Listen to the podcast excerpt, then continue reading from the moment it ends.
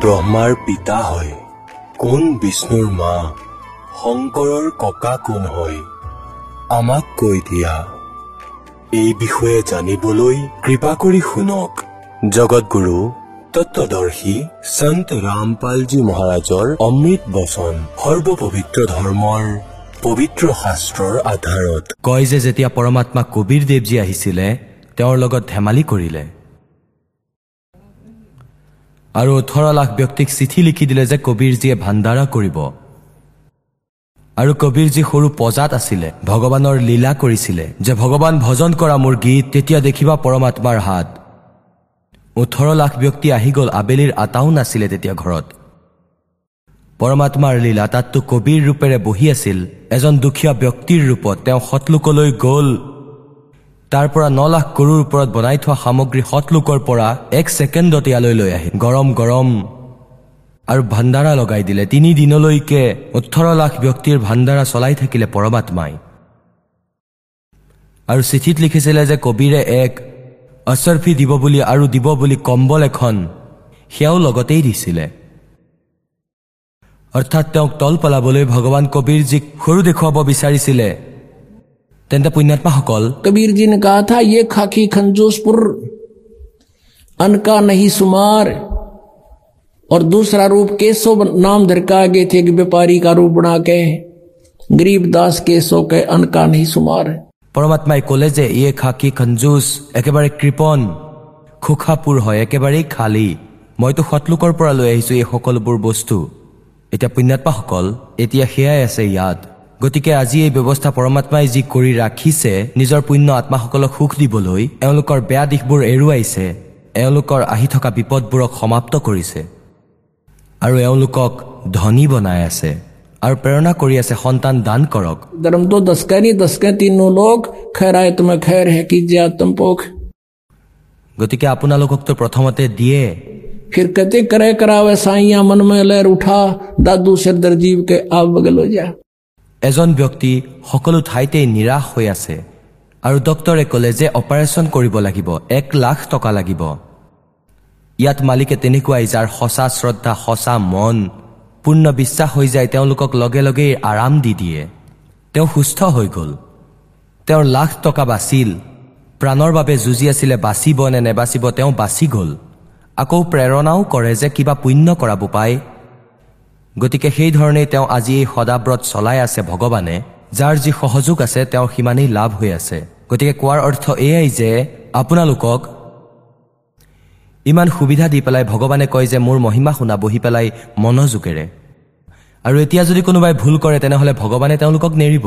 ক'ৰবাত ভাল গৰম কাপোৰ পালে তাত সোমাই যোৱা এনেকে নল'বা।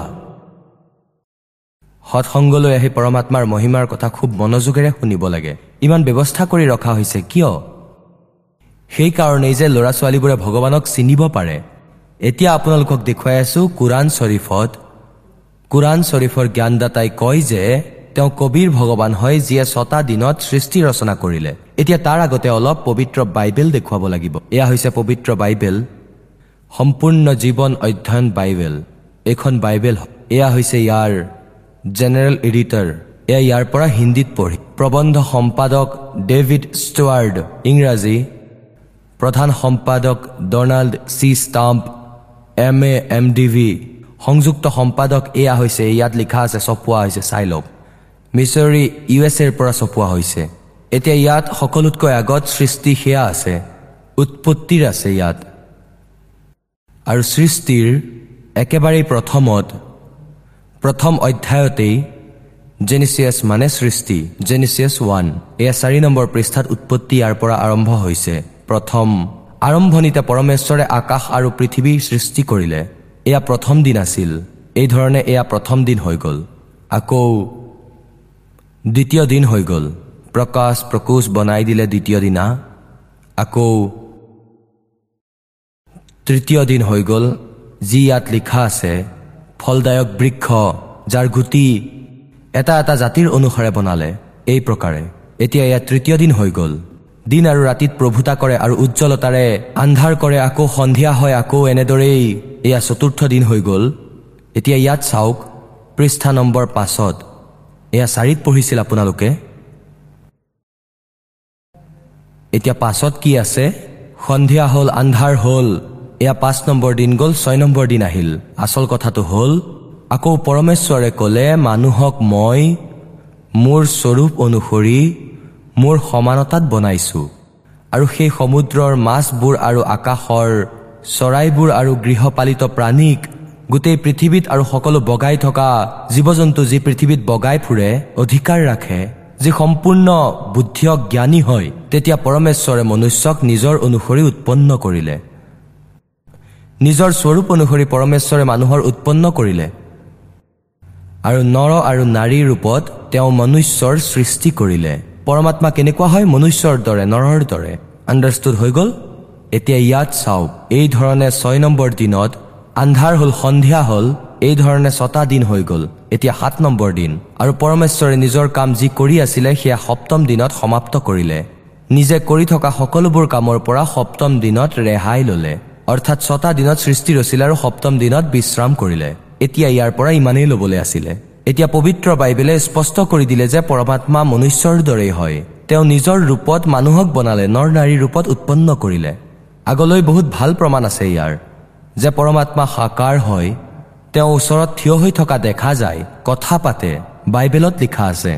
এতিয়া কোৰাণ শ্বৰীফত দেখাই আছো এয়া। এয়া কোৰাণ শ্বৰীফ হয় পবিত্ৰ কোৰাণ শ্বৰীফ ইয়াত লিখা আছে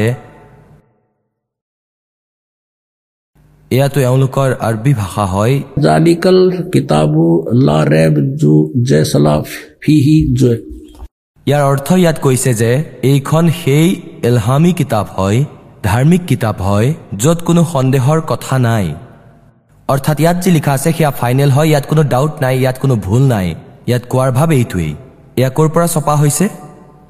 শাস্ত্ৰীয় আৰবী পদ্ধতি নাগৰী লিপিত ইয়াৰ অৰ্থ হৈছে ছ অনুবাদ সতীপন ছ অনুবাদ ৰূপান্তকাৰ হৈছে নন্দ কুমাৰ অৱস্থি শ্বেৰৱানী সংস্কৰণ এয়া ক'ৰ পৰা ছপোৱা হৈছে কোৰাণ শ্বৰীফ শ্বেৰৱানী সংস্কৰণ প্ৰকাশক হৈছে লক্ষ্ণৌ কিতাপ ঘৰ মৌচম বাগ গীতাপুৰ ৰোড লক্ষ্ণৌ ইয়াৰ পৰা ছপোৱা হৈছে। এতিয়া আমি ইয়াৰ চুৰট ফৰকানী পঁচিছত আহিছোঁ এয়া চাওক এয়া চুৰট কোৰাণ শ্বৰীফ হয় আৰু চুৰতুল ফুৰকানী ইয়াক চুৰত বুলি কয়।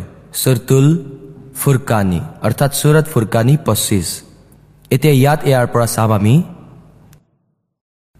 এয়া চাওক।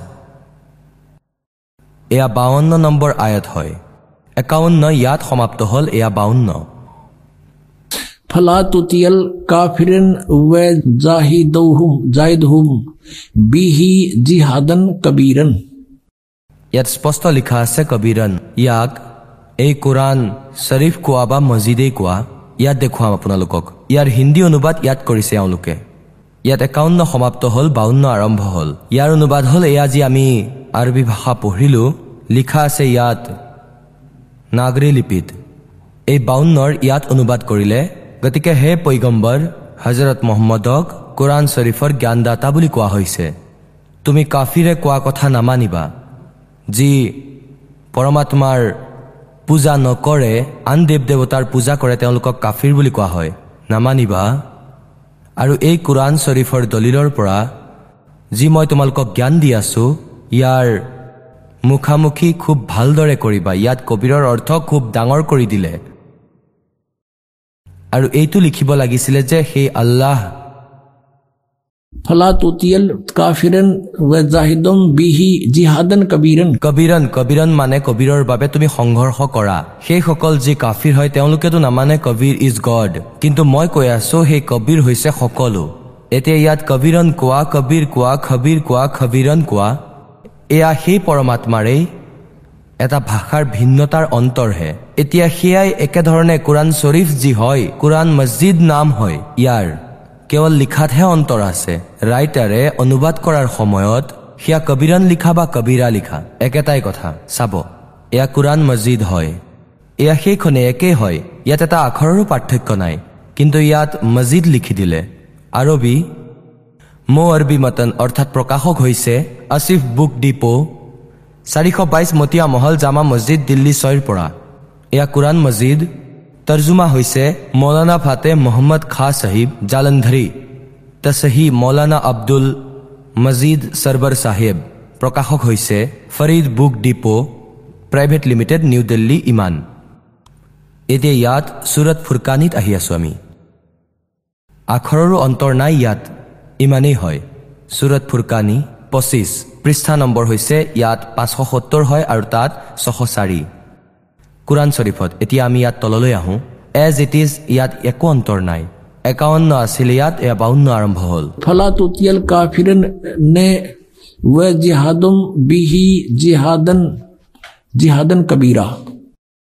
কবিৰা। কোৱা কবিৰণ কোৱা কবিৰ কোৱা খবিৰা কোৱা। এয়া মাত্ৰ ইয়াত কবিৰা লিখা আছে তাত কবিৰণ লিখা আছিল। এতিয়া এয়া কবিৰ কোৱা একেই কথা হয়। ইয়াৰ পৰা ইমানেই ল'বলগীয়া আছিল। এতিয়া আমি কোৰাণ শ্বৰীফ চাম। এতিয়া আমি এয়া যি পঢ়িছিলোঁ সেয়া কোৰাণ মছজিদ দেখুৱাইছিলোঁ। এতিয়া আকৌ কোৰাণ শ্বৰীফ লৈছোঁ। ইয়াৰ অনুবাদ আমি এতিয়া চাম। এতিয়া চাওক কোৰাণ শ্বৰীফ আকৌ লৈছোঁ। সেয়া মছজিদ আছিল এয়া কোৰাণ শ্বৰীফ হয়। আৰু ইয়াৰ অনুবাদক প্ৰকাশক মই আগতেই দেখুৱাই থৈছোঁ। এই সকলোবোৰ। লক্ষ্ণৌ কিতাপঘৰৰ পৰা প্ৰকাশিত। মৌচমবাগ সীতাপুৰ ৰোড লক্ষ্ণৌৰ পৰা। এতিয়া আমি আহি আছোঁ ইয়াৰ ছশ চাৰি পৃষ্ঠালৈ। ছশ চাৰি পৃষ্ঠাত আৰু এয়াই হয় কোৰাণ শ্বৰীফৰ চুৰত ফুৰকানি পঁচিছ তললৈ আহোঁ। এয়া বাৱন্ন নম্বৰ আয়ত হয়। ফলাতিয়েল কাফিৰেন জাহিদম বিহি জিহাদন কবিৰন। এয়া কবিৰ কোৱা কবিৰা কোৱা কবিৰন কোৱা কনচেপ্ট ক্লিয়াৰ হৈ গ'ল। এতিয়া এইটোৱে কি কয় ইয়াত? হে পেগম্বৰ কোৰাণ শ্বৰীফৰ জ্ঞান দিয়াজন নিজৰ পেগম্বৰক কৈ আছে তুমি কাফিৰৰ কথা নুশুনিবা। সেই কাফিৰে ভগৱানক নামানে। এওঁলোকেতো বেলেগ দেৱতাৰ পূজা কৰে। এই কোৰাণ শ্বৰীফৰ দলিলৰ পৰা কোৰাণৰ দলিলৰ পৰা তোমাক যি হৃদায়ত দি আছো ইয়াৰ আধাৰত এওঁৰ মুখামুখি হ'বা। সেই কবিৰৰ বাবে জিহাদন কবিৰৰ সেই কবিৰৰ বাবে কবিৰ আল্লাহৰ বাবে সংঘৰ্ষ কৰা কাজিয়া নহয়। জিহাদৰ অৰ্থ কাজিয়া কৰা নহয়। সংঘৰ্ষ কৰা। এওঁলোকৰ কথাত নাহিবা চিধা কথা। এতিয়া চোৱা আমি বাৱন্নৰ অৰ্থ পঢ়িলোঁ। এতিয়া ছশ সাতত। চুৰত ফুৰকানী পঁচিছৰ আৰু এই কবিৰ নামৰ আল্লাহ তেওঁৱেই হয় যিয়ে দুয়োখন নদীৰ পাৰত লগ লগাই দিলে। এখনৰ মিঠা পিয়াহ আঁতৰাবলৈ আৰু এখনৰ তিতা কেহা আৰু দুয়োৰে মাজত এটা শক্তিশালী ৰ'দ বনাই দিলে। আৰু তেওঁৱেই হয় যিয়ে পানীৰ টোপেৰে মানুহক সৃষ্টি কৰিছে আকৌ চাহিবে নচিব অৰ্থাৎ কাৰোবাৰ ল'ৰা অথবা ছোৱালী আৰু শহুৰৰ ঘৰ অৰ্থাৎ কাৰোবাৰ জোঁৱাই বোৱাৰী বনালে। আৰু তোমালোকৰ পৰ্বৰ দিগাৰ সকলোবোৰ কাম কৰিবলৈ সমৰ্থক হয়।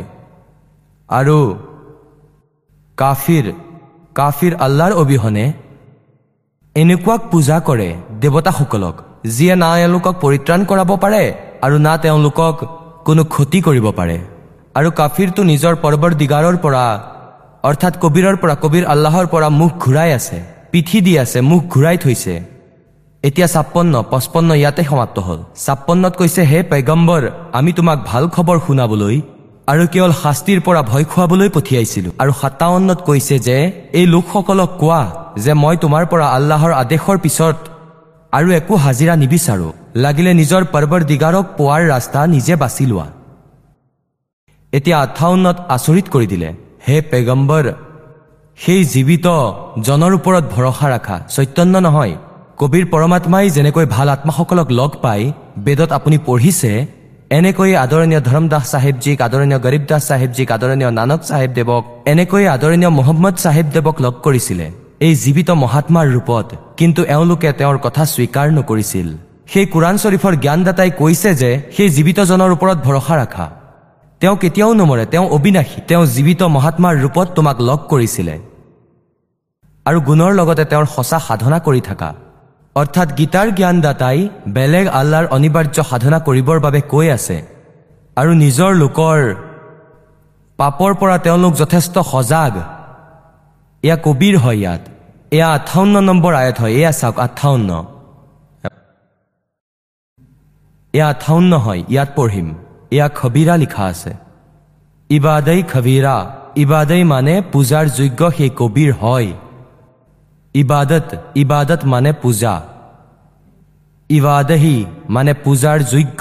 এয়া কবিৰ হয় কবিৰ এয়া আঠাৱন্ন। এতিয়া ইয়ালৈ আহিম আকৌ।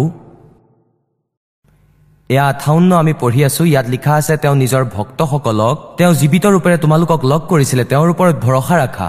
সেয়া অবিনাশী পৰমাত্মা হয়। আৰু গুণৰ লগতে তেওঁৰ সঁচা সাধনা কৰি থাকা।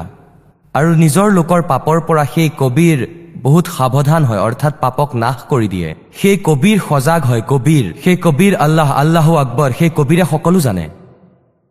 এতিয়া ঊনাষাঠিত আচৰিত কৰি দিলে। আৰু যিয়ে আকাশ আৰু মাটি আৰু যিবোৰেই তেওঁৰ মাজত আছে সকলোবোৰক ছদিনত সৃষ্টি কৰিলে আৰু সিংহাসনত গৈ বহিল সেই আল্লাহ ডাঙৰ। এতিয়া এওঁলোকে ইয়াতো কবিৰৰ অৰ্থ ডাঙৰ কৰি দিলে। সেই আল্লাহ কবিৰ হয় এয়া লিখিব লাগিছিলে সেই আল্লাহ কবিৰ হয়। এয়া উনাষাঠিত চাওক। এয়া উনাষাঠি আহি গ'ল আকৌ। ইয়াত আকৌ খবিৰণ লিখা আছে।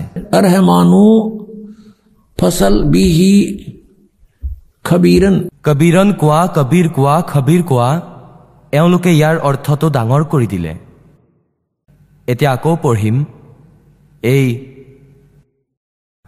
আঠাৱন্ন নম্বৰত যিয়ে আকাশ আৰু মাটি আৰু বাকী যিবোৰ ইয়াৰ মাজত আছে সকলোবোৰ ছদিনত সৃষ্টি কৰিলে যি পবিত্ৰ বাইবেলে জ্ঞান দিয়ে ষাঠি শতাংশ জ্ঞানেই সেই কোৰাণ শ্বৰীফত আছে।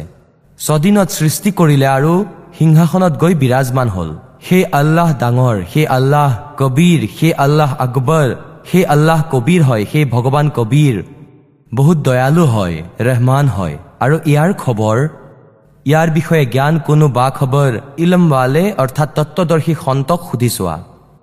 ইয়াৰে সিদ্ধ হৈ গ'ল যে কোৰাণ শ্বৰীফৰ জ্ঞানদাতাও সেই আল্লাহ অৰ্থাৎ ডাঙৰ ভগৱান যাক তেওঁ ডাঙৰ বুলি কৈছে তেওঁৰ বিষয়ে আধা জ্ঞান আছে তেওঁৰ বিষয়ে খবৰ ভালকৈ নাই। ইয়াতে সেয়া স্পষ্ট কৰিছে যে তেওঁ সাকাৰ পৰমাত্মা হয় তেওঁৰ নাম কবিৰ হয় ছদিনত সৃষ্টি ৰচিলে আৰু সপ্তম দিনত সিংহাসনত গৈ বহিল। গতিকে তেওঁ বিৰাজমান হ'ল তেওঁ এজন দেশীয় আৰু সাকাৰ হয়। তেওঁ মনুষ্য সদৃশ সেয়া পবিত্ৰ বাইবেলে সিদ্ধ কৰিলে। এতিয়া আজি এই মুছলমান ভাইসকলৰ কথাও ভুল সিদ্ধ হ'ল যিয়ে হিন্দুসকলক এই বুলি কৈছিলে যে তেওঁলোকে দেৱতাৰ পূজা কৰে তেওঁলোকৰ মুক্তি নহ'ব। এতিয়া তেওঁলোকো সেই কালৰ জালতেইহে আছে এইটোও ভাবিব লাগিব। আমি এজন পিতৃৰ সন্তান। পুণ্যাত্মাসকল পৰমাত্মাক পোৱাটো একেবাৰেই সহজ। এইটো বিশ্বাস হ'ব লাগিব যে কোন পৰমাত্মা হয়। আৰু তেওঁ কি স্থিতিত আছে? তেওঁ কেনেকুৱা লীলা কৰে তেওঁক চিনি পোৱাটো অনিবাৰ্য হয়। আৰু কি তেওঁৰ ৱে অফ ৱৰ্শ্বিপ হয় সেই পূজাৰ বিধি কি হয় যাৰ দ্বাৰা মুক্তি হ'ব। তেওঁ কোন হয় কেনেকুৱা হয় তেওঁৰ নাম কি ইয়াৰ প্ৰমাণ কি? ইয়াৰ প্ৰমাণ এই সদগ্ৰন্থত আছে। গীতাজীৰ অধ্যায় নম্বৰ ষোল্লৰ শ্লোক নম্বৰ তেইছত কৈছে যে হে অৰ্জুন যিয়ে শাস্ত্ৰবিধি ত্যাগ কৰি নিজৰ মতে আচৰণ কৰে তেওঁলোকৰ নাতো কোনো গতি হয় অৰ্থাৎ মুক্তি নাপায়। না তেওঁলোকৰ কোনো সিদ্ধিপ্ৰাপ্ত হয় আৰু না কোনো সুখ হয় ইউজলেছ চৌব্বিছ নম্বৰ শ্লোকত ষোল্ল নম্বৰ অধ্যায়ত কৈছে যে গীতাত যে অৰ্জুন এয়াই তোমাৰ বাবে অৰ্জুন। শাস্ত্ৰৰ প্ৰমাণ হয় কৰ্তব্য আৰু অকৰ্তব্যৰ। কি কৰিব লাগে সাধনা কি কৰিব নালাগে? কাৰোবাৰ লোকবেদত বিশ্বাস নকৰিবা? যেনেকৈ ৰাধা স্বামীসকলৰ লোকবেদ আপোনালোকক দেখুৱাই দিলেতো হাঁহি উঠিব। এওঁলোকে এইটোও নাজানে যে সতনাম খোৱাৰ বস্তু নে পিন্ধাৰ বস্তু? যি টি কৈ আছে। সতনাম সাৰনাম সেয়া একেই হয় সতনামো সতনামকেই কয় সৎপুৰুষো সতনাম সাৰ শব্দও সতনাম আৰু সৎখণ্ডও সতনাম আৰু সৎপুৰুষো সতনাম এওঁলোক যাব সৎলোকলৈ কি আচৰিত কথা কয়। এতিয়া পুণ্যাত্মাসকল সৃষ্টি ৰচনা শুনাবলৈ ইমানখিনি ভূমিকা বনাইছো যাতে আপোনালোকে এই কথাটো বিশ্বাস কৰে যে এই দাসে যি কৈ আছে আৰু পৰমাত্মাই যি ক'লে ৰাখে সেয়াই কৈ আছে। এটাটো আপুনি এই তত্বজ্ঞানক বুজিবলৈ যিসকল আশ্ৰমত আহে এয়া নিঃসংশয় হৈ যাব যে এই দাসে যিবোৰ শব্দ ক'ব এয়া এশ শতাংশই সত্য হ'ব। তেতিয়া আপোনালোকে বুজাটো সহজ হৈ যাব। এই মনৰ সংশয় নাথাকিব। আৰু এয়া বিশ্বাস কৰাবলৈ যে দাসে যি কৈ আছে সেয়া সঁচা হয় এয়া প্ৰমাণ দেখুৱাই আছো। এই প্ৰমাণবোৰক বুজি পোৱাৰ পিছত আপুনি আকৌ এইটো চাই ল'ব যে ক'ৰবাত কোনো প্ৰমাণ দেখুৱাব পৰা নাই নেকি এই দাসে। আৰু যি শব্দ ক'ব সেয়া প্ৰমাণিত হ'ব। বুজি ল'বা তেতিয়া খুব শীঘ্ৰেই বুজি পাই যাবা এই ভগৱানৰ পৰিভাষা। এতিয়া এয়া যি সৃষ্টি ৰচনা যি দাসে শুনাব বিচাৰিছিলে এতিয়া বহুত শ্বৰ্টকাটতে শুনাম চাৰি পাঁচ মিনিটত। সময় বহুতখিনি হৈ গ'ল। পুণ্যাত্মাসকল এনেয়েতো পৰমাত্মাৰ বাবেতো মহাপুৰুষসকলে যেনেকৈ তেওঁলোকৰ গুৰুসকলে কৈ দিলে মূৰটো দিবলৈ প্ৰস্তুত কৰালে সকলোৱে থিয় হৈ তপ কৰিলে। জুইৰ চাৰিওফালে জুই জ্বলাই মাজত বহি তপ কৰিলে। ঘৰ ত্যাগ কৰিলে ভৰি ওপৰ ফালে কৰি সাধনা কৰিলে ব্ৰতো ৰখা আৰম্ভ কৰিলে। যেনেকৈ জৈনসকলত চাব বহুতো ঘোৰ ব্ৰত কৰায়। উপবাস ৰখাই সেয়াও তেওঁলোকে স্বীকাৰ কৰে আধা মানুহৰতো তাতেই মৃত্যু হৈ যায় কিন্তু তথাপিও তেওঁলোক পিছ হুৱকি নাযায়। গতিকে পৰমাত্মা পাবলৈ আমি সময় উলিয়াব লাগিব। আৰু এই কথা পৰমাত্মাৰ সত্যনাৰায়ণ কথা হয়। ইয়াক শুনিলেও আত্মা প্ৰবল হয় ইয়াৰ দ্বাৰা চাৰ্জ হয়। কিছুমান পাপ এই জ্ঞান যজ্ঞৰে নাশ হয় যি দাসে আপোনালোকক শুনাই আছে। আৰু প্ৰথমে আমি কি কৰিছিলোঁ যেনে যেতিয়া এই জ্ঞান নাছিলে আগতে ভি চি আৰ চলি আছিলে। আৰু এটা ভি চি আৰৰ এটা ৰাতিৰ এশ টকা চাৰ্জ আছিলে। তিনিটা কেছেট অনা হৈছিলে তিনি তিনি ঘণ্টাৰ ফিল্ম আৰু সন্ধিয়াই আৰম্ভ কৰি দিয়া হৈছিলে আঠ বজাত। আৰু চাহ বনোৱা হৈছিল খোৱা হৈছিল আৰু এনেকৈ চকু ডাঙৰ কৰি চাই থকা হৈছিল। যে ভাই এশ টকা সম্পূৰ্ণ কৰিম। তিনিওখন ফিল্ম চলোৱা হৈছিলে ন ঘণ্টা ফিল্ম চলাইছিলে। আৰু এনেকুৱা এনেকুৱা বেকাৰ আছিলে আৰু ইয়াত পৰমাত্মাৰ কথা দহ বিছ মিনিটতকৈ যদি বেছি হৈ যায় তেতিয়াও বিশ্বাসেৰে এই কথা শুনিব লাগে ভগৱানৰ। কাৰণ এই অমূল্য ৰত্ন আজিলৈকে কোনেও প্ৰাপ্ত কৰিব পৰা নাই। আপোনাৰ ওপৰত কৃপা কৰিলে ভগৱানে। যেতিয়া আমি সাং চাবলৈ গৈছিলোঁ গাঁৱত এনেকৈ আমি বহি যাওঁ। বেকাৰ কথা কৈ আছিলে এনেকৈ মাটিতেই বহি পৰিছিলোঁ য'ত গাধও নবহে। আৰু ৰাতিপুৱা উঠি দেখিছিলোঁ ইয়াত বহি আছিলোঁ ৰাতিটো ধেত্তেৰি দিনততো এইফালে চাবলৈও মন নাযায় য'ত বহি আছিলোঁ ৰাতিটো। আৰু যি টি কথা শুনি আছিল আৰু এতিয়া ইয়াত সকলো সুবিধা দিছে ভগৱানে নিজৰ সন্তানক। আৰু এই জ্ঞান শুনাই আছে আপুনি কল্পনাও কৰিব নোৱাৰে যে আপোনাৰ কিমান পুণ্য হৈ আছে।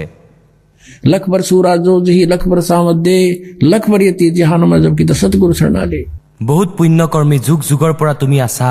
আজি আপোনাক যিকোনো কাৰণ বনাই লাগিলে দুখী কৰিয়ে লাগিলে সুখী কৰিয়ে আনিলে ভগৱানে। আপোনাক দয়া কৰিলে। আপোনাৰ বাবে যি দুখ আপোনাক ইয়ালৈ লৈ আনিছে সেই দুখো আপোনাৰ বাবে আশীৰ্বাদ হ'ব যে এই কাৰণতে আপুনি ভগৱানক পালে। আৰু দুখটো আপোনাৰ সন্মুখত নায়েই কাৰণ আপোনাৰ বিশ্বাস দৃঢ় হৈ গৈছে। গতিকে সৎলোকৰ ভিতৰত পৰমাত্মাই এটা শব্দৰে ষোল্ল দ্বীপ উৎপন্ন কৰিলে।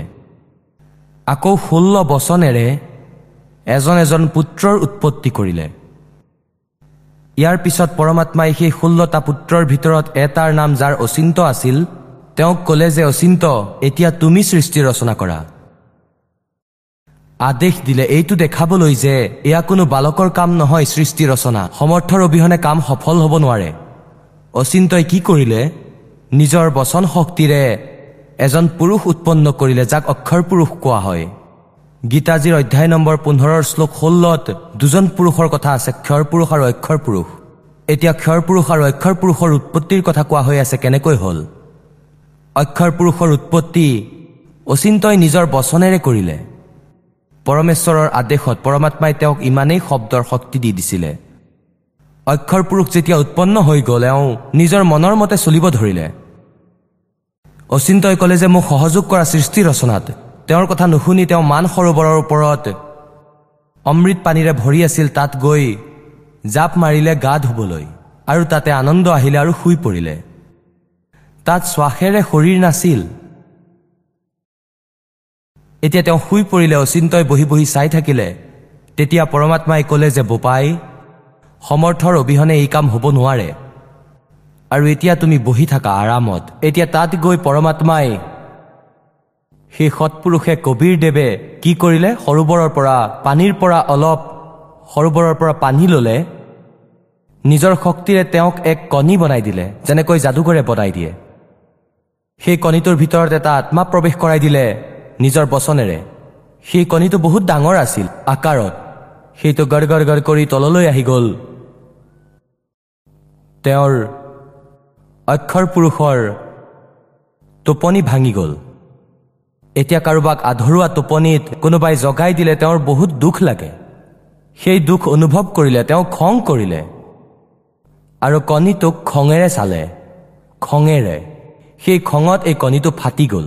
তাৰ পৰা এই ক্ষৰ পুৰুষ অৰ্থাৎ জ্যোতি নিৰঞ্জন কাল ওলালে এক মনুষ্যৰ ৰূপত। এই দুয়োকে ক'লে যে অক্ষৰ পুৰুষ তুমি টোপনিত আছিলা আকাশবাণী কৰিছিল পৰমাত্মাই বাহিৰৰ পৰা। তুমি বাহিৰলৈ আহা তোমাক জগাবলৈহে এই সকলো লীলা কৰা হৈছে। তোমালোক বাহিৰলৈ আহা দুয়োজন দুয়ো আহিল। আৰু তেওঁক ক'লে তুমি অচিন্তৰ দ্বীপত থাকা তিনিওজন এটা দ্বীপত। সেই তিনিজনৰ দুয়ো গুচি গ'ল এজন অচিন্ত অকলে থাকিল। এতিয়া কিছুদিনৰ পিছত এই ক্ষৰ পুৰুষ জ্যোতি নিৰঞ্জন কোৱা ক্ষৰ পুৰুষ কোৱা আৰু অক্ষৰ পুৰুষ কোৱা বা পৰব্ৰহ্ম কোৱা এই দুয়ো অচিন্তৰ লোকত থাকিব ধৰিলে। কিছুদিনৰ পিছত এই ক্ষৰ পুৰুষ অৰ্থাৎ জ্যোতি নিৰঞ্জন কোৱা বা এক কাল কোৱা কাল আগলৈ গৈ বনিব। এই ক্ষৰ পুৰুষে ভাবিলে আমি তিনিওজনটো এটা দ্বীপতেই আৰু অন্য আমাৰ ভাই এটা এটা দ্বীপত। ইয়াৰ পিছত পৰমাত্মাই কি কৰিলে? আমাৰ সকলোৰে উৎপত্তি কৰিল। যিমানখিনি আজি আমি ইয়াত পোক পতংগ হাতী মানুহ ৰজা দেৱ দেৱতা যিসকলে আছে সকলোৰে উৎপত্তি কৰি সৎলোকক সকলোকে বেলেগ বেলেগ স্থান দ্বীপত দি দিলে যে তোমালোক থাকা আৰামত। তেতিয়া ইয়াৰ চিন্তা হ'ল দুখ হ'ল হিংসা হ'ল যে আমি তিনিওজন এটা দ্বীপতে আছো আৰু সকলোৱে নিজৰ বেলেগ বেলেগ স্বতন্ত্ৰভাৱে আছে। তেতিয়া তেওঁ তপ কৰিবলৈ আৰম্ভ কৰিলে। সত্তৰ যুগ যেতিয়া তপ কৰিলে প্ৰভুৱে সুধিলে তুমি কি বিচৰা? পৰমেশ্বৰে সুধিলে তুমি কি বিচৰা? এওঁ ক'লে যে হে হে পিতা হে পৰম পিতা মোৰ কাৰণে স্থান কম হৈছে মোক বেলেগকৈ কোনো স্থান দি দিয়ক। তেতিয়া পৰমেশ্বৰে তেওঁক একৈশ ব্ৰহ্মাণ্ড দি দিলে যেনেকৈ কোনো ধনী পিতৃয়ে নিজৰ পুত্ৰক একৈশ ফ্লেট দি দিয়ে। এয়া লৈ লোৱা একৈশ ফ্লেট। তাত গৈ তেওঁ থাকিলে তেওঁ দেখিলে কিন্তু সেয়া খালী পৰি আছিলে। তেওঁ ভাবিলে কিবা কনষ্ট্ৰাকশ্যন হওক। এওঁ সত্তৰ যুগ তপ আকৌ কৰিলে আমি কেনেকৈ আবদ্ধ হলো ইয়াত এই কালৰ লগত কেনেকৈ আহিলো এই ইমান বেয়া লোকত আমি তাত ভুল কৰিছিলোঁ। আমাৰ পিতৃয়ে আমাক সকলোবোৰ সুবিধা দি ৰাখিছিলে। কোনো অসুবিধা নাছিলে কোনো প্ৰকাৰৰে আমি অজৰমৰ আছিলোঁ। আমি সদায় যুৱক আছিলোঁ আমাৰ পৰিয়াল আছিল। সম্পূৰ্ণ গ্ৰুপ পৰিয়াল আছিল আমাৰ। সৎলোকত সৃষ্টি আছে এনেকুৱাই আছে কিন্তু তাত হংস আত্মা আছে। তাত মৃত্যু নহয় বৃদ্ধাৱস্থা নহয়। চিৰসেউজ বৃক্ষ আছিলে। কোনো খং ৰাগ নাই কোনো ভাগ বতৰা নাছিলে। আৰু এই ৰাধাস্বামীসকল যিমানেই আছে সকলোৱে আকৌ কয় যে এই সৎলোকত প্ৰকাশেই প্ৰকাশ আছে। আৰু তাত আত্মা পৰমাত্মাৰ লগত এনেকৈ মিলি যায় যে এটা টোপাল সমুদ্ৰত কোনোবা ডুবি মৰিব বিচাৰিছে তাত। বিচাৰি আছে ভগৱানক পৰমাত্মাক বিচাৰি ফুৰিছে তেওঁৰ দৰ্শন কৰিব বহিব আৰু ক'ব নিজৰ দুখবোৰ। আৰু এয়া চাই আনন্দ হ'ব ভগৱান নিৰাকাৰ হয় প্ৰকাশেই প্ৰকাশ আছে। আৰু আত্মা ইয়াত এনেকৈ মিলি যায় যেনেকৈ টোপাল সমুদ্ৰত। এয়া ডুবি মৰি যোৱাৰ দৰে কথা হৈ গ'ল। কাৰোবাৰ সাহস আছে নেকি যে ক'ব ব'লা সমুদ্ৰত ডুবি মৰিম ভগৱানক পাবা? মাতিলেও নাযায়। এয়াতো মূৰ্খ বনাই ৰাখিছে আমাক। তেওঁলোকে নাজানে এই সৎলোকৰ বিষয়ে। এই জ্ঞানীসকলে জানে যে এইবোৰ কথা শুনি একো লাভ নাই। আৰু তেওঁলোকে কথাৰ ওপৰত কথা কয় আৰু শ্ৰদ্ধালুসকলে শুনে। তাত সৃষ্টি আছে এজ ইট ইজ আছে ভগৱান মনুষ্য সদৃশ হয়। তেওঁৰ এটা নোমৰ গুৰিত কোটি সূৰ্য মিলাই দিয়া কোটি চন্দ্ৰ মিলাই দিয়া ইমান ৰশ্মি আছে সেই মালিকত। তাৰ পৰাতো সহজ তেজপুজৰ ৰূপ বনাই সৰল কৰি ইয়ালৈ আহে বেদেও তাকেই কৈ আছে। আৰু সেয়াই ছশ বছৰ আগতে পৰমাত্মাই নিজৰ মহিমাৰে নিজেই কৈ ৰাখিছে কবিৰ বাণীত। গতিকে তাৰ পৰা সেই পৰমাত্মাই আহি নিজেই কৈছিলে গতিকে আমি আমাৰ ভগৱানক এৰি যিজনে আমাক সকলো সুখ দি ৰাখিছিলে আমি এওঁৰ ওপৰত আসক্ত হৈ গ'লো যি থিয় হৈ তপ কৰি আছিলে। আৰু এনেকৈ চাই আছিলো চোৱা এয়া ইমান বছৰ থিয় হৈ আছে কিমান ডাঙৰ কাম কৰি আছে। এতিয়া আমাৰ সেই অসুখ তাৰ পৰা লাগিছিলে বেয়া কৰ্মৰ। যেনেকৈ এজন হিৰ' অথবা হিৰইনে অভিনেতা অভিনেত্ৰী নিজৰ পেটৰ কাৰণে নাচা বাগা হাঁহি ধেমালি মেকআপ কৰে আৰু আমি তেওঁলোকৰ ওপৰত আসক্ত হৈ যাওঁ।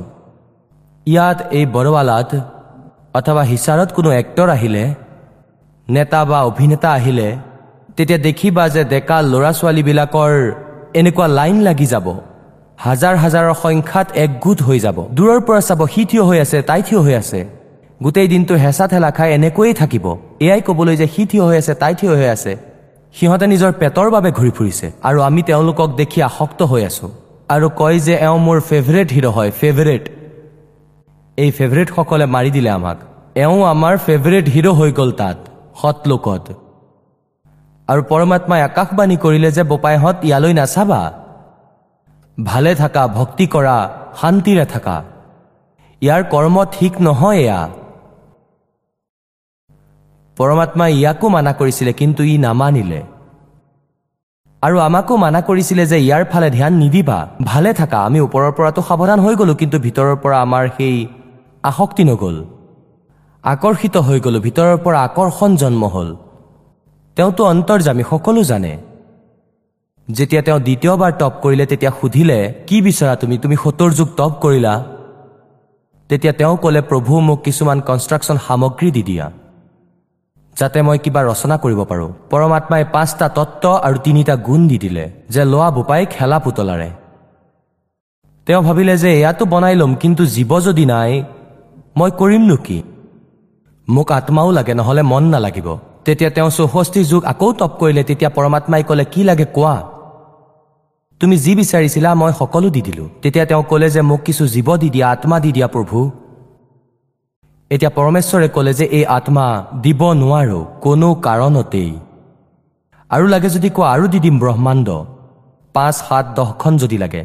এয়া দিব নোৱাৰো কিয়নো এইবোৰ মোৰ আত্মা মোৰ বচনেৰে উৎপন্ন হৈছে।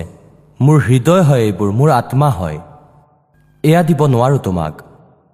কিন্তু এটা চৰ্ত আছে যদি কোনোবাই নিজৰ ইচ্ছাৰেই যাব খোজে তেনেহ'লে যাব পাৰে। যোৱা সুধি চোৱা। তেতিয়া তেওঁ আমাৰ ওচৰলৈ আহিল যিমান আমি ইয়াত আবদ্ধ হৈ আছো। আমাক সুধিলে যে মোৰ লগত তোমালোক যাবানে? বেলেগকৈ মই তপ কৰি বেলেগকৈ ৰাজ্য প্ৰাপ্ত কৰিছো। তাত এনেকৈ থাকিম দেৱ বনাম মহাদেৱ বনাম। এনেকৈ গাখীৰৰ নদী বনাম। এতিয়া তাত আমাৰ কোনো অভাৱ নাছিলে। কিন্তু বুদ্ধিভ্ৰষ্ট হৈ গ'ল। আমি ক'লো ঠিকে আছে। পিতৃয়ে যদি আজ্ঞা দিয়ে আমি যাব পাৰিম।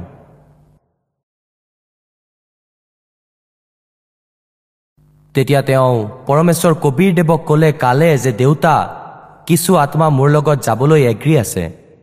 পৰমেশ্বৰে ক'লে মোৰ আগত স্বীকৃতি দিয়াই দিয়া। পৰমেশ্বৰ আহিলে তাৰ পৰা স্বয়ং আৰু আমাৰ ওচৰত আহি থিয় হৈ গ'ল। পৰমেশ্বৰে ক'লে যে কোৱা ভাই কোন যাব বিচাৰা ইয়াৰ লগত? হাত উঠোৱা। এতিয়া পৰমাত্মাই প্ৰথমেতো আমাক মানা কৰিছিল যে ইয়াৰ প্ৰতি আসক্ত নহবা আমি লজ্জিত হৈ গ'লো তলমূৰ কৰিলো। কোনোৱে নক'লে। চাৰিওফালে মৌনতা উপচি পৰিল। তেতিয়া পৰমেশ্বৰে ক'লে কি হ'ল? আপুনিতো কৈছিলে তুমিতো কৈছিলা কিছুমান মোৰ লগত যাব বিচাৰিছে। ইহঁতৰতো কোনেও একোৱেই নকয়? মিছা কৈছা তুমি। ইমানতেই এটা আত্মাই ভাবিলে যে কথা আকৌ যাতে বেলেগ হৈ নাযায় সাহস কৰি থিয় হ'ল। থিয় হৈ ক'লে যে প্ৰভু মই যাব বিচাৰোঁ এওঁৰ লগত। আৰু পিছফালৰ পৰা আমি ভাবিলো যে আকৌ যদি ই সকলো মজা লয় আমিতো চায়ে থাকিম। যেনেকৈ স্কুলত এজনে হাত থিয় কৰিলে আনবোৰেও পিছত হাত থিয় কৰে তেনেকৈয়ে সকলো থিয় হৈ গলো আৰু দুয়োখন হাত দাঙিলো যে আমিও যাব বিচাৰো। পৰমেশ্বৰে ক'লে যে ভাই ঠিক আছে। মই এওঁলোকৰ নম্বৰ নোট কৰি লৈছো এই আত্মাসকলৰ। কোনে কোনে স্বীকৃতি দিছে? এতিয়া আপোনালোক নিজৰ লোকলৈ যাওক। এওঁলোকক মই বিধিৰে পঠাম এজ ইট ইজ পঠাব নোৱাৰো। তেতিয়া কি কৰিলে পৰমাত্মাই? আমাক বীজ ৰূপত বনালে সূক্ষ্ম। আৰু যিয়ে সকলোতকৈ আগতে কালৰ লগত যাবলৈ স্বীকৃতি দিছিলে তেওঁক এজনী ছোৱালীৰ ৰূপত বনাই দিলে যুৱতী ছোৱালী। অতি ধুনীয়া ছোৱালী বনাই দিলে যাক আগলৈ গৈ দুৰ্গা বুলি কোৱা হৈছে। আৰু তেওঁৰ ভিতৰত আমি সকলোবোৰ আত্মাক ফিড কৰি দিলো নিজৰ বচনেৰে। আৰু তেওঁক ক'লে যে পুত্ৰী মই তোমাক শব্দ শক্তি দি দিছো পৰমেশ্বৰ কবীৰদেৱে ক'লে। আৰু যিমান জীৱ এই ব্ৰহ্মই কয় ক্ষৰ পুৰুষে কয় সিমান তুমি উৎপন্ন কৰি দিবা। তোমাৰ বচনত শক্তি দি দিলো তুমি বচনৰ পৰাই উৎপন্ন কৰিব পাৰিবা। নিজৰ পুত্ৰ সহজ দাসক ক'লে যে পুত্ৰ যোৱা নিজৰ ভনীক জ্যোতি নিৰঞ্জনৰ ওচৰত থৈ আহা ক্ষৰ পুৰুষৰ ওচৰত। তেওঁ ব্ৰহ্মাণ্ড এয়াই সকলো ব্ৰহ্মাণ্ড তাতেই আছিলে সৎলোকৰ ভিতৰত। তেওঁ তাতে থিয় হৈ আছিলে। সহজ দাসে সেই ছোৱালীক লৈ গ'ল। প্ৰকৃতিক দুৰ্গাক। আৰু তাত গৈ ক'লে যে দেউতাৰ আদেশ আছে জ্যোতি নিৰঞ্জন যিমানখিনি আত্মা তোমাৰ লগত অহাৰ স্বীকৃতি দিছিলে সেই সকলোকে এওঁৰ ভিতৰত ফিড কৰি দিছে ভগৱানে। আৰু এওঁক বচন শক্তি দি দিছে যে যিমান জীৱ তুমি কোৱা এওঁ বচনেৰে বনাই দিব। আৰু এনেকৈ কৈ সহজ দাস পুনৰ ঘূৰি আহিল। এতিয়া জ্যোতি নিৰঞ্জনে দেখিলে এই ব্ৰহ্মই ক্ষৰ পুৰুষে যুৱতী ছোৱালী এতিয়া পুণ্যাত্মাসকল ইয়াত যি ধৰ্ষণ আৰু বেয়া কথা আছে এয়া আমাৰ ভিতৰত এই মন তাৰ পৰাই ঘৰ বনাইছিল এই কালত এই মন ৰূপত সকলোৰে ভিতৰত বিদ্যমান হৈ গ'ল এনেকুৱা এলিমেণ্ট এৰি দিলে। এওঁৰ ভিতৰত এই দোষ আহি গ'ল। একান্তত অকল যুৱতীজনী দেখি এওঁ তাইৰ লগত অত্যাচাৰ কৰিব ধৰিলে। ছোৱালীজনীয়েও বুজিব পাৰিলে তাৰ মনোভাৱক আৰু ক'লে যে জ্যোতি নিৰঞ্জন এইটো শুনা তুমি মোৰ ডাঙৰ ককাই তুমি মোতকৈ আগত উৎপন্ন হৈছা কণীৰ পৰা পৰমাত্মাই তোমাক উৎপন্ন কৰিছে আৰু তেওঁৰ দ্বাৰাই মোৰ উৎপন্ন হৈছে। তুমি মোৰ ডাঙৰ ককাই মই তোমাৰ সৰু ভনী ভাই ভনীৰ এনেকুৱা কৰ্ম ভাল নহয় অত্যাচাৰ নকৰিবা দেউতাই মোক শব্দ শক্তি দি থৈছে বচন শক্তি যে তুমি যিমান জীৱ কোৱা মই বনাই দিম। তেওঁ একোৱেই নুশুনিলে সীমা পাৰ কৰি দিলে। ছোৱালীজনীয়ে নিজৰ সন্মান সুৰক্ষাৰ বাবে একো নাপাই তাই সৰু ৰূপ বনাই ল'লে। আৰু সি দুষ্কৰ্মৰ বাবে মুখ খুলি ৰাখিছিলে আৰু সেই মুখেৰে পেটলৈ সোমাই গ'ল। তাৰ পৰা পৰমেশ্বৰ কবিৰ দেৱক নিজৰ পিতাক স্মৰণ কৰিলে ভগৱান মোক ৰক্ষা কৰা। পৰমাত্মাই ক'লে যোগজিত সহজ দাস যোৱা তুমি তাইৰ ওচৰলৈ আৰু পৰমেশ্বৰ স্বয়ঙে আহিল। নিজৰ পুত্ৰৰ ৰূপ ধাৰণ কৰি আৰু ক'লে জ্যোতি নিৰঞ্জন তুমি অপৰাধ কৰিলা। এনে পবিত্ৰ লোকত যিয়ে এনেকুৱা ভুল কৰে তাৰ এইটোৱেই শাস্তি যে তোমাক আজিৰ পৰা কাল বুলি কোৱা হ'ব। এক লাখ মানৱধাৰী প্ৰাণীক নিত্যে আহাৰ কৰিবা আৰু ডেৰ লাখ উৎপন্ন কৰিবা। আজিৰ পৰা তোমাৰ নাম কাল হ'ব। ছোৱালীজনীক দুৰ্গাক পেটৰ পৰা উলিয়ালে আৰু দুয়োকে একৈশ ব্ৰহ্মাণ্ডৰ সৈতে সৎলোকৰ পৰা নিষ্কাশিত কৰি দিলে। ষোল্ল শংখ কোষ দূৰত্বত একৈশ ব্ৰহ্মাণ্ড আহি ৰখি গ'ল আৰু ইয়াতে নিজৰ মালিকৰ বিধি অনুসাৰে ঘূৰি থাকিব ধৰিলে। এতিয়া কালে আকৌ ভাবিলে এতিয়া মোক কোনে কি কৰিব পাৰিব? যি শাস্তি দিব আছিলে মোক দি দিলে। দুৰ্গাৰ লগত আকৌ দুৰ্ব্যৱহাৰ আৰম্ভ কৰিলে। তেওঁ আকৌ প্ৰাৰ্থনা কৰিলে যে জ্যোতি নিৰঞ্জন প্ৰথমতেতো তুমি মোৰ ডাঙৰ ভাই মই তোমাৰ সৰু ভনী।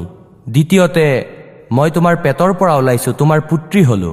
অৰ্থাৎ তাই নিজৰ সন্মানক বচাবলৈ সকলো ক'লে কিন্তু ইয়াৰ ওপৰত কোনো প্ৰভাৱেই নপৰিলে। পৰমাত্মাই চাব বিচাৰিছিলে যে ই কিমান অসভ্যালি কৰিব পাৰে। আৰু ছোৱালীজনীক প্ৰজনন ইন্দ্ৰিয়ও নিজৰ ফালৰ পৰা দিয়া নাছিলে। সি তাৰ সিদ্ধি শক্তিৰে নখেৰে প্ৰজনন ইন্দ্ৰিয় বনালে আৰু দুৰ্গাৰ সৈতে বিলাস কৰিলে তিনি পুত্ৰৰ উৎপত্তি কৰিলে প্ৰথমজনৰ নাম ব্ৰহ্মা দ্বিতীয়জন বিষ্ণু তৃতীয়জন শিৱ अब मैं तुमसे कहूं चिताई त्रिदेवन की उत्पत्ति भाई ज्ञानी सुने सो हृदय लगाई मूर्ख सुने तो गम ना पाई माष्टंगी पिता निरंजन, ये जमदारुण वंशन अंजन, पहले की निरंजन राई, पीछे से माया उपजाई। माया रूप देख अति शोभा, देव निरंजन तन मन लोभा। निरंजन की ने भोग विलासा, माया को रही तब आशा। तीन पुत्र अष्टंगी जाए, ब्रह्मा, विष्णु, शिव नाम धराए। तीन देव विस्तार चलावे, इनमें यो जग धोखा खावे। तीन गुणों की भक्ति में ये भूल पड़ो संसार। कह कबीर निज नाम बिना कैसे उतरो पार तीन देव की जो करते हैं भक्ति उनकी कदे ना हो मुक्ति बोलो सतगुरुदेव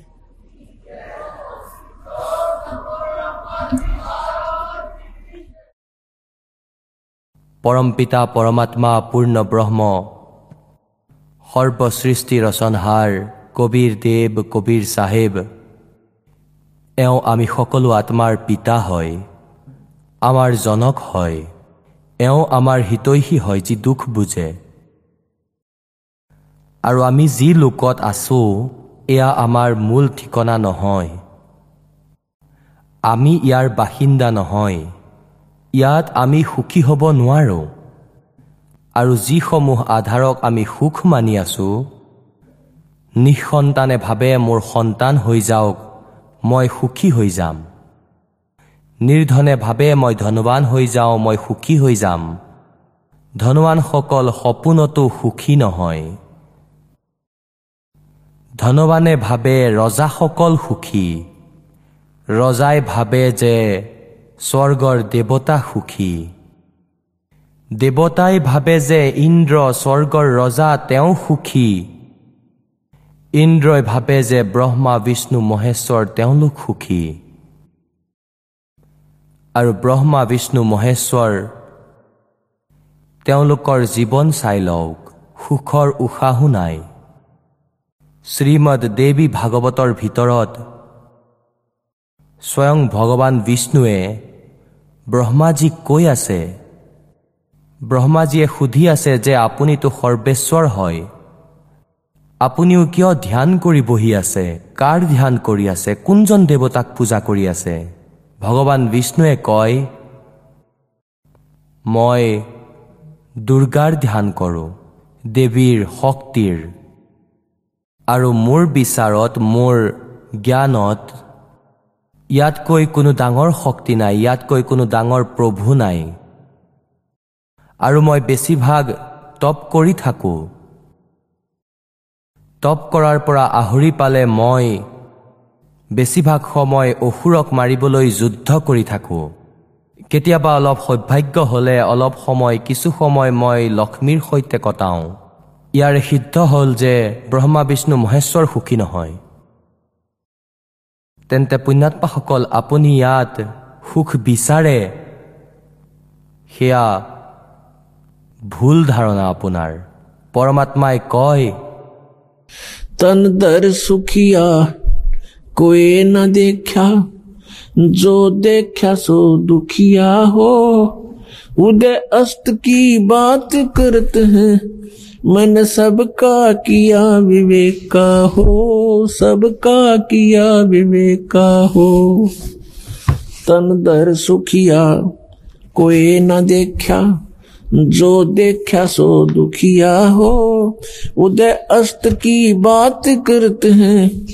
मन सबका किया विवेक का हो, सबका किया विवेक का हो। भाई घट बद सब जग दुखिया, के गृहस्थी बैरागी हो। घट बद सब जग दुखिया के गृहस्थी बैरागी हो। सुख देव ने दुख के डर से गर्भ में माया त्यागी हो। गर्भ में माया त्यागी हो, तंदर सुखिया। कोई न देखा, जो देखा सो दुखिया हो। उदय अस्त की बात करते हैं, मन सबका किया विवेका हो। सबका किया विवेका हो।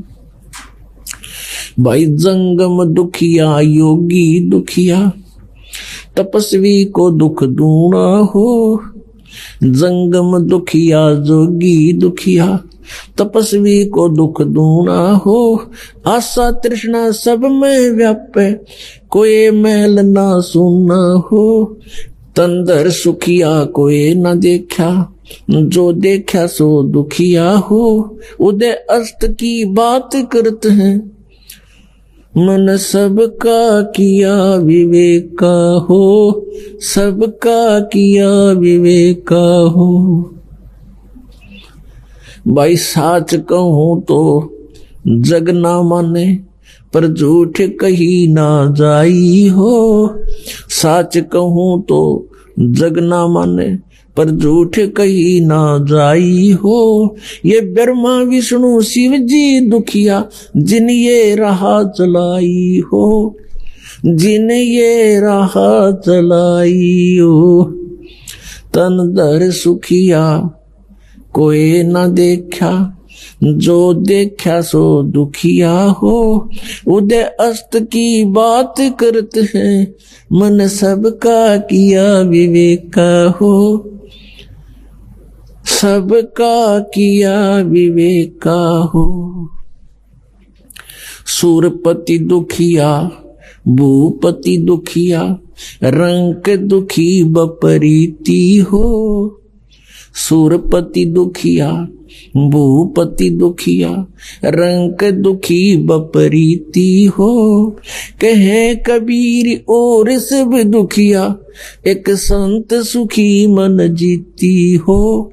एक संत सुखी मन जीती हो।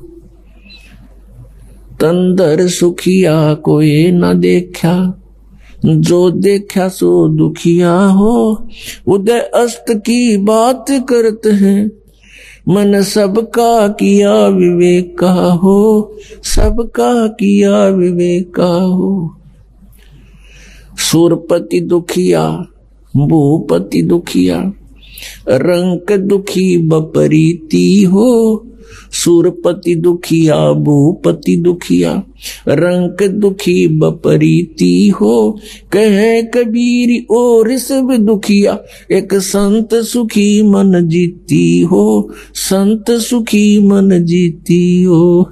तंदर सुखिया कोई न देखा जो देखा सो दुखिया हो।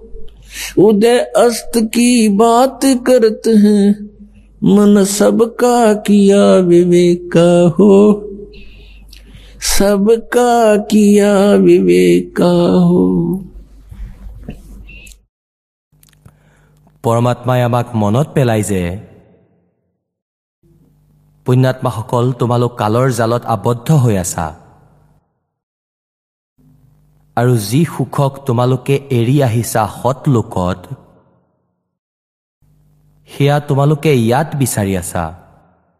যি সুখ আপোনাৰ আপোনালোকৰ ঘৰত প্ৰাপ্ত হয় সেই ফেচিলিটিক আপোনালোকে জেলত বিচাৰি আছে। সেয়া কেতিয়াও হ'ব নোৱাৰে। গতিকে এই একৈশ ব্ৰহ্মাণ্ড জেল হয় কালৰ। একৈশ ব্ৰহ্মাণ্ড কালৰ জেল হয়। ইয়াত আমি আবদ্ধ হৈ আছো কৰ্মৰ দণ্ড ভুগি আছো। আৰু সংস্কাৰৰ বান্ধোনেৰে ৰছীৰে শিকলিৰে আমাক বান্ধি ৰাখিছে। আৰু এই জেলত আমি সুখ বিচাৰি আছো। এয়া আমাৰ অজ্ঞানতা আৰু আমাৰ সৰলতাহে। ইয়াৰ বিষয়ে ভগৱানে কৈ আছে যে তন্ধৰ চুকীয়া কৈ নাদেখা। আমি পৰমাত্মাই কয় যে এই একৈশ ব্ৰহ্মাণ্ডত ফুৰিলো। কোনো জীৱকে ইয়াত সুখী দেখা নাপালো। পৰমাত্মাই কয় যে ব্ৰহ্মাৰ ওচৰলৈ গ'লো তেওঁ মহাদুখী। বিষ্ণুৰ ওচৰলৈ গ'লো তেওঁ শতাধিক চিন্তা নিজৰ কলে। শংকৰজীৰ ওচৰলৈ গ'লো তেওঁ দুখী। আৰু কয় যে কোনোবা গোটেই পৃথিৱীৰ শাসক যদি হয় ভূপতি মানে গোটেই পৃথিৱীৰ শাসক উদয় অস্তৰ ৰাজত্ব যাৰ লগত আছে উদয় মানে য'ৰ পৰা সূৰ্য ওলাই অস্ত মানে য'ত লুকায় অৰ্থাৎ সম্পূৰ্ণ পৃথিৱীত যিয়ে শাসন কৰে সেই ৰজাকো সুখী নেদেখিলো মই। আকৌ কয় এটা পৰিয়ালৰ মুখীয়া। তেওঁ প্ৰবন্ধক হয় নিজৰ পৰিয়ালৰ। আৰু চাৰি পাঁচজন সদস্যৰ এৰেঞ্জমেণ্টত তেওঁ মহা দুখী হৈ যায় টেনশ্যন হৈ যায় ৰাতি টোপনিও নাহে তেওঁৰ। আৰু ৰজা হৈছে এখন ক্ষেত্ৰৰ প্ৰবন্ধক মুখীয়া। তেনেহ'লে তেওঁ কেনেকৈ সুখী হ'ব পাৰে? এয়াতো আমাৰ এক অজ্ঞানতা। সুখৰ মাপৰ আধাৰ ভুলকৈ লৈ ৰাখিছোঁ। যিটো কাৰণত আমি মহাদুখী মানুহ ব্যক্তিক সুখী যেন দেখোঁ। ইয়াৰ বাবে পৰমাত্মাই আমাক ক'ব বিচাৰিছে যে ভাই ঘাটে বাধে চব যা দুখীয়া। ঘাটা মানে হানি হোৱা কোনো ব্যৱসায়ত। তেওঁতো নেচাৰেল দুখী। আৰু যাৰ খুব টকা আছে তেওঁ মহাদুখী। এশটা কথা ভাবিব। বিছ লাখৰ কোনো বেনিফিট হৈ গ'লে পঞ্চাছ লাখৰ কোনো ফেক্টৰী লগাব। পিছদিনা কৰ্মচাৰীসকলে হৰতাল কৰিলে তেওঁ মূৰত ধৰি বহি থাকি কি হ'ব মোৰ? মোৰ এক কোটি ডুবি গ'ল ইমান ডুবি গ'ল ৰাতি দিন টোপনি নাহে তেওঁৰ। কোৱাৰ ভাৱ এইটোৱেই যে ইয়াত কোনো প্ৰাণীয়েই সুখী নহয়। সব দুখীয়া কে গৃহস্থী হ' যেনেকৈ কোনোবাই ঘৰ ত্যাগ কৰিলে বৈৰাগী হৈ গ'লে জংঘলত গৈ বহিল বনত। এতিয়া বনত আকৌ তাতকৈ বেছি সমস্যা ঘৰতকৈও। মহে কামুৰিব মাখিয়ে অশান্তি কৰিব দাহে কৰিব। ঠাণ্ডা গৰম লাগিব আৰু পিছত ভোকো লাগিব। পিছত গাঁৱলৈ যাব দে মাই দে মাই বুলি চিঞৰি থাকিব। পিছত পজা সাজিব আকৌ এশটা ব্যৱস্থা কৰি ল'ব লাগিব। পৰমাত্মাই কয় যি বাস্তৱিক বিধি হয় পৰমাত্মাৰ ভক্তি কৰাৰ ইয়াৰে লগত তোমালোক অপৰিচিত। আৰু এই কালৰ প্ৰেৰণাৰে প্ৰেৰিত হৈ সাধকসকলে নিজৰ মনৰ মতে আচৰণ আৰম্ভ কৰিলে। কোনোবাই ব্ৰত ৰাখে কোনোবাই নিজৰাত বহি জলধাৰা লয় কোনোবাই পাঁচ ধূনা লগাই অগ্নি জ্বলাই মাজত বহি অভিনয় কৰে। কোনোবা ওপৰত বহি ওখ স্থানত য'ৰ পৰা সকলো দেখা যায় তেনে স্থানত লাখুটি পুতি বহি পৰে আসনত পদুম লগাই। যে বহুত ডাঙৰ সাধক হয় জনতাই দূৰৰ পৰা দেখিব যে মহাত্মাই তপ কৰি আছে। পাছত তাতেই জনতাৰ লাইন লাগি যাব দৰ্শনাৰ্থীয়ে দান দিবলৈ আৰম্ভ কৰিব বৰঙণি দিব ধৰিব। তেন্তে এই যি সাধনা আছে এয়া শাস্ত্ৰবিধি ত্যাগ কৰি মনৰ মতে আচৰণহে। শ্ৰীমদ ভাগৱত গীতাৰ অধ্যায় নম্বৰ ষোল্লৰ শ্লোক নম্বৰ তেইছ চৌবিছত নিৰ্ণয় দিয়া আছে যে শাস্ত্ৰবিধি ত্যাগ কৰি যিয়ে মনৰ মতে আচৰণ কৰে তেওঁলোকৰ না কোনো গতি হয় গতি মানে মুক্তি। আৰু না তেওঁলোকৰ কোনো সুখ হয় আৰু না কোনো সিদ্ধি প্ৰাপ্ত হয়। অৰ্থাৎ ব্যৰ্থ ইউজলেছ আকৌ গীতাজীৰ অধ্যায় নম্বৰ ষোল্লৰ শ্লোক চৌব্বিছত কোৱা হৈছে যে ইয়াৰে তোমাৰ বাবে অৰ্জুন কৰ্তব্য আৰু অকৰ্তব্যৰ ব্যৱস্থাত। কোনটো কৰ্ম কৰণযোগ্য হয় কোনটো ক্ৰিয়া কৰিব নালাগে ইয়াৰ নিৰ্ণয় সদগ্ৰন্থই প্ৰমাণ হয় নাথিং এলছ। সদগ্ৰন্থ কি কি হয় পুণ্যাত্মাসকল পবিত্ৰ পাঁচখন বেদ। আপোনালোকে কেৱল চাৰিখন বেদৰ কথা শুনিছে। ঋগবেদ যজুৰ্বেদ সামবেদ আৰু অথৰ্ববেদ। এখন পঞ্চম বেদ আছে যি এই চাৰিওখন বেদৰ মা হয়। এইখনক সূক্ষ্ম বেদ বুলি কোৱা হয়। সূক্ষ্ম বেদ সন্তৰ ভাষাত। আৰু এইখনক তত্ত্ব বেদ বুলিও কোৱা হয় তত্ত্ব জ্ঞান বুলিও কোৱা হয়।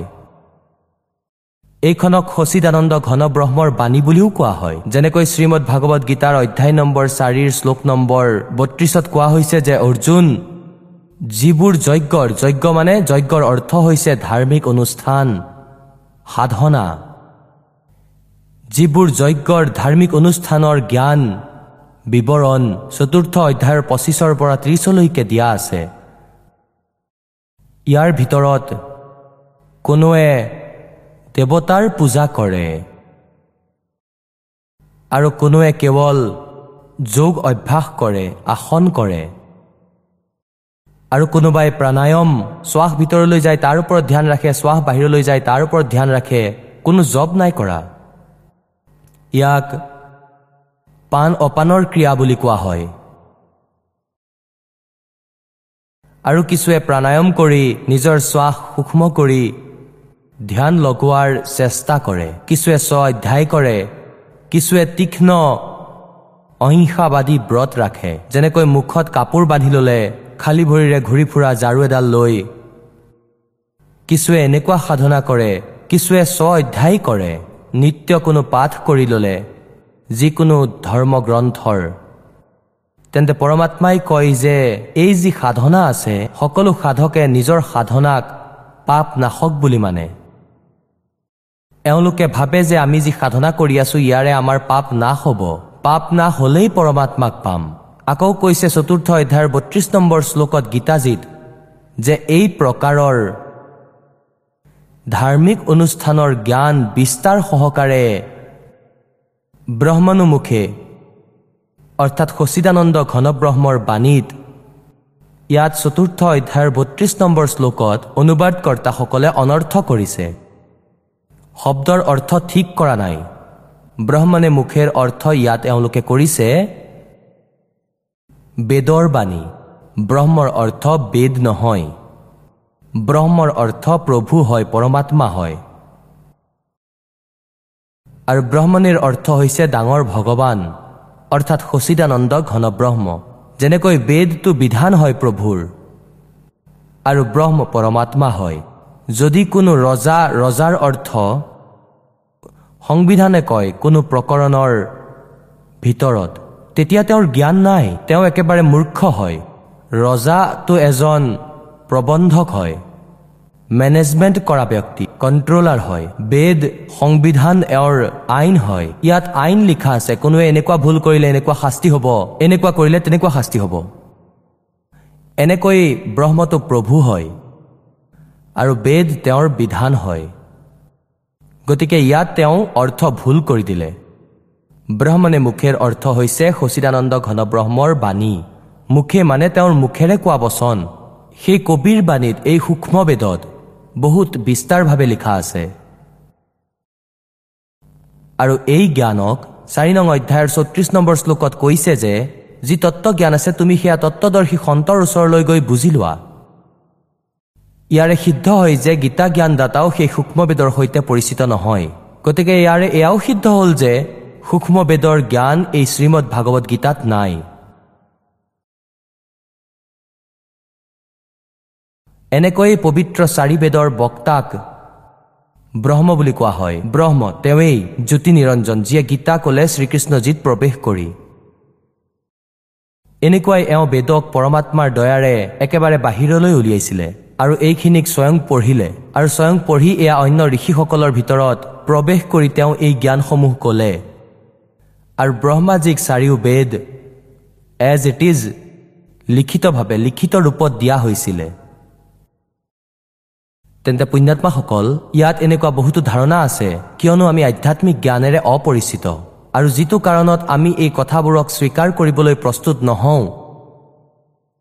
মাইণ্ডলেছ মেন যি আছিল মহৰ্ষি কোৱা হৈছিল যাৰ কোনো জ্ঞানেই নাছিলে। তেওঁ কয় যে সৃষ্টিৰ আৰম্ভণিতে কাগজ ক'ৰ পৰা আহিল লিখি কেনে কৈ দিলে মানুহ ক'ৰ পৰা আহিল আৰম্ভণিতে। কয় যে ব্যক্তিসকলকতো ভগৱানে উৎপন্ন কৰিলে কাগজ উৎপন্ন কৰিছে ভগৱানে কি কথা কোৱা? এনেকুৱা অৰ্থহীন কথাত জীৱসমূহক বিমুখ কৰি ৰাখিছে। তেন্তে এই প্ৰকাৰে আমি আধ্যাত্মিক জ্ঞানক বুজিবলৈ এই যি টি কৰা এৰিব লাগিব।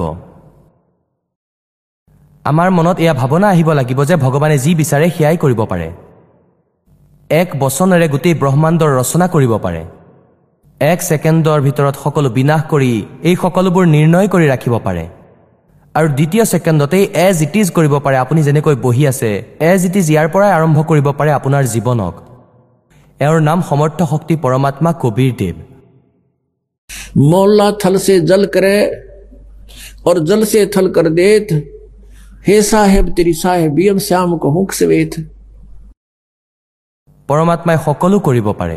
যেতিয়ালৈকে আপোনাৰ মনত এই খেলিমেলি ভৰি আছে দুষ্টামী ভৰি আছে এনেকুৱা হ'ব নোৱাৰে তেনেকুৱা হ'ব নোৱাৰে তেন্তে আপুনি এই আধ্যাত্মিক জ্ঞানক বুজিব নোৱাৰে। পিছত আপোনাৰ প্ৰচেষ্টা ব্যৰ্থ হ'ব। পুণ্যাত্মাসকল শ্ৰদ্ধালুসকলৰ শ্ৰদ্ধা ব্লাইণ্ড হয়। তেওঁলোকে ব্লাইণ্ড ফেইট কৰে। আৰু এনেকুৱাই কৰিব লাগে।